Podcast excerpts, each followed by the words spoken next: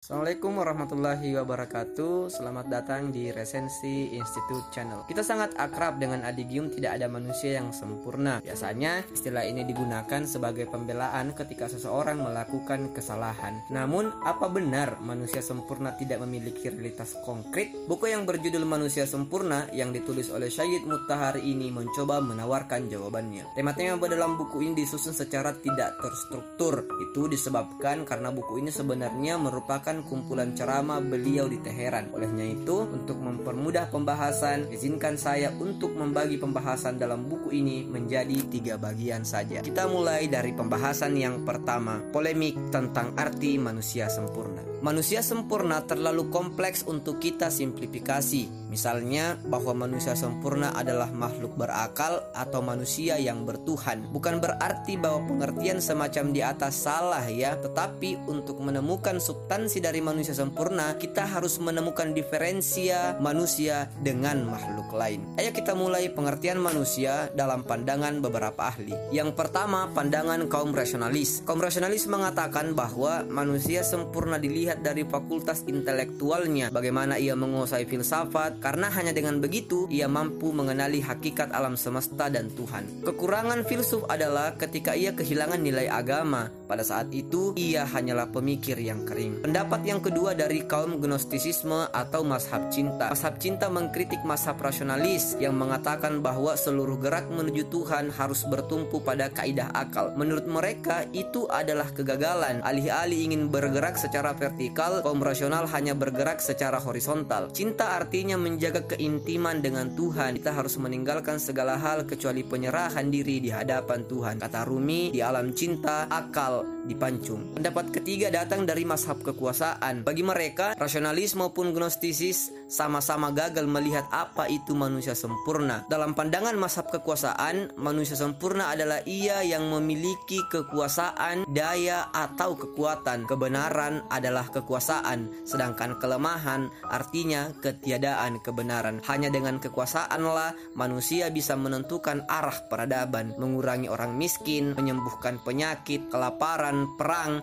dan masalah-masalah sosial lainnya. Berikutnya bagaimana Islam melihat manusia sempurna atau insan kamil. Islam tidak suka ekstremis atau sesuatu yang berlebih-lebihan. Hal ini berlaku dalam segala aspek. Bahkan ibadah yang berlebihan dengan meninggalkan kehidupan sosial sangat dibenci oleh Islam sehingga salah satu ciri insan kamil dalam pandangan Islam adalah ia mampu mengejawantahkan nilai-nilai keislaman dalam dirinya yaitu bersikap adil atau moderat. Insan kamil adalah ia yang mampu menyeimbangkan potensi-potensi baik pada dirinya seperti cinta, intelektual, keberanian, kejujuran, serta kreativitas tanpa mendominankan yang lain. Kata Jalaluddin Rahmat, manusia yang hanya mengembangkan cinta saja dan mengesampingkan intelektual bukanlah insan kamil. Ia adalah sufi yang ekstrim. Ia filsuf yang kering. Manusia yang memuja akal secara berlebihan juga bukan insan kamil. Ia monster yang menakutkan. Murtada Mutahari dalam ceramahnya menyampaikan contoh manusia agung yang mencapai tingkat insan kamil selain Rasulullah Shallallahu Alaihi Wasallam adalah sahabat beliau sendiri. Ia adalah Sayyidi Sayyidina Ali. Pada malam hari, beliau adalah ahli ibadah yang paling khusyuk, sedangkan pada siang hari, ia adalah seorang yang sangat bermasyarakat. Di medan perang, beliau dijuluki sebagai singa Allah yang hanya dengan mendengar namanya lawan gemetar ketakutan.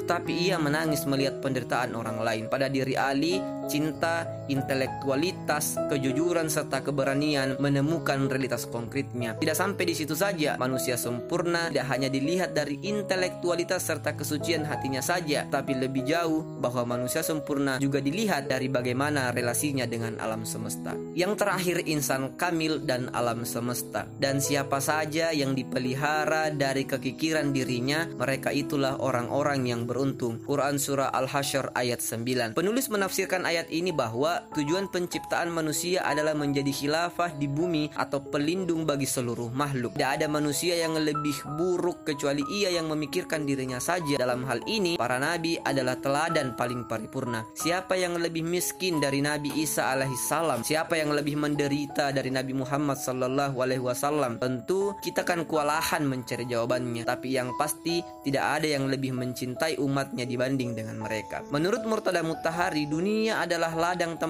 kita menanam bibit sementara akhirat adalah tempat memanen. Artinya dunia bukan tempat yang abadi, ia hanyalah persinggahan sementara tempat kita memupuk amal sebagai bekal ketika kita di kehidupan yang sebenarnya. Pun hanya bersifat sementara, tetapi tugas manusia adalah untuk merawat alam semesta, bukan hanya menjaga kerukunan antar manusia saja, tetapi juga bagaimana ia menjaga alam agar tidak terjadi bencana atau yang kita sebut sebagai bencana ekologi. Bagi para penghayat panteisme, mereka melihat bahwa alam semesta adalah tajalli Tuhan atau Tuhan dalam bentuk yang lebih profan sehingga memperlakukan alam semesta dengan baik adalah kewajiban karena pada dasarnya nilai ketuhanan dengan sangat indah dalam Al-Quran Allah Subhanahu wa Ta'ala berfirman dan milik Allah timur dan barat ke mana pun kamu menghadap di sanalah wajah Allah sungguh Allah maha luas dan maha mengetahui. Lalu bagaimana kritik kami terhadap buku ini? Yang pertama karena merupakan kumpulan ceramah pembahasannya tidak begitu terstruktur sehingga menyulitkan pembaca untuk melihat substansi buku sedang yang kedua penulis tidak memberikan contoh konkret bagaimana manusia sempurna di tengah masyarakat modern pun telah dijelaskan mengenai syarat-syarat dari manusia sempurna. Namun demikian, sebagai sebuah referensi untuk mengenali apa itu manusia sempurna, ku ini sangat recommended. Ada pertanyaan?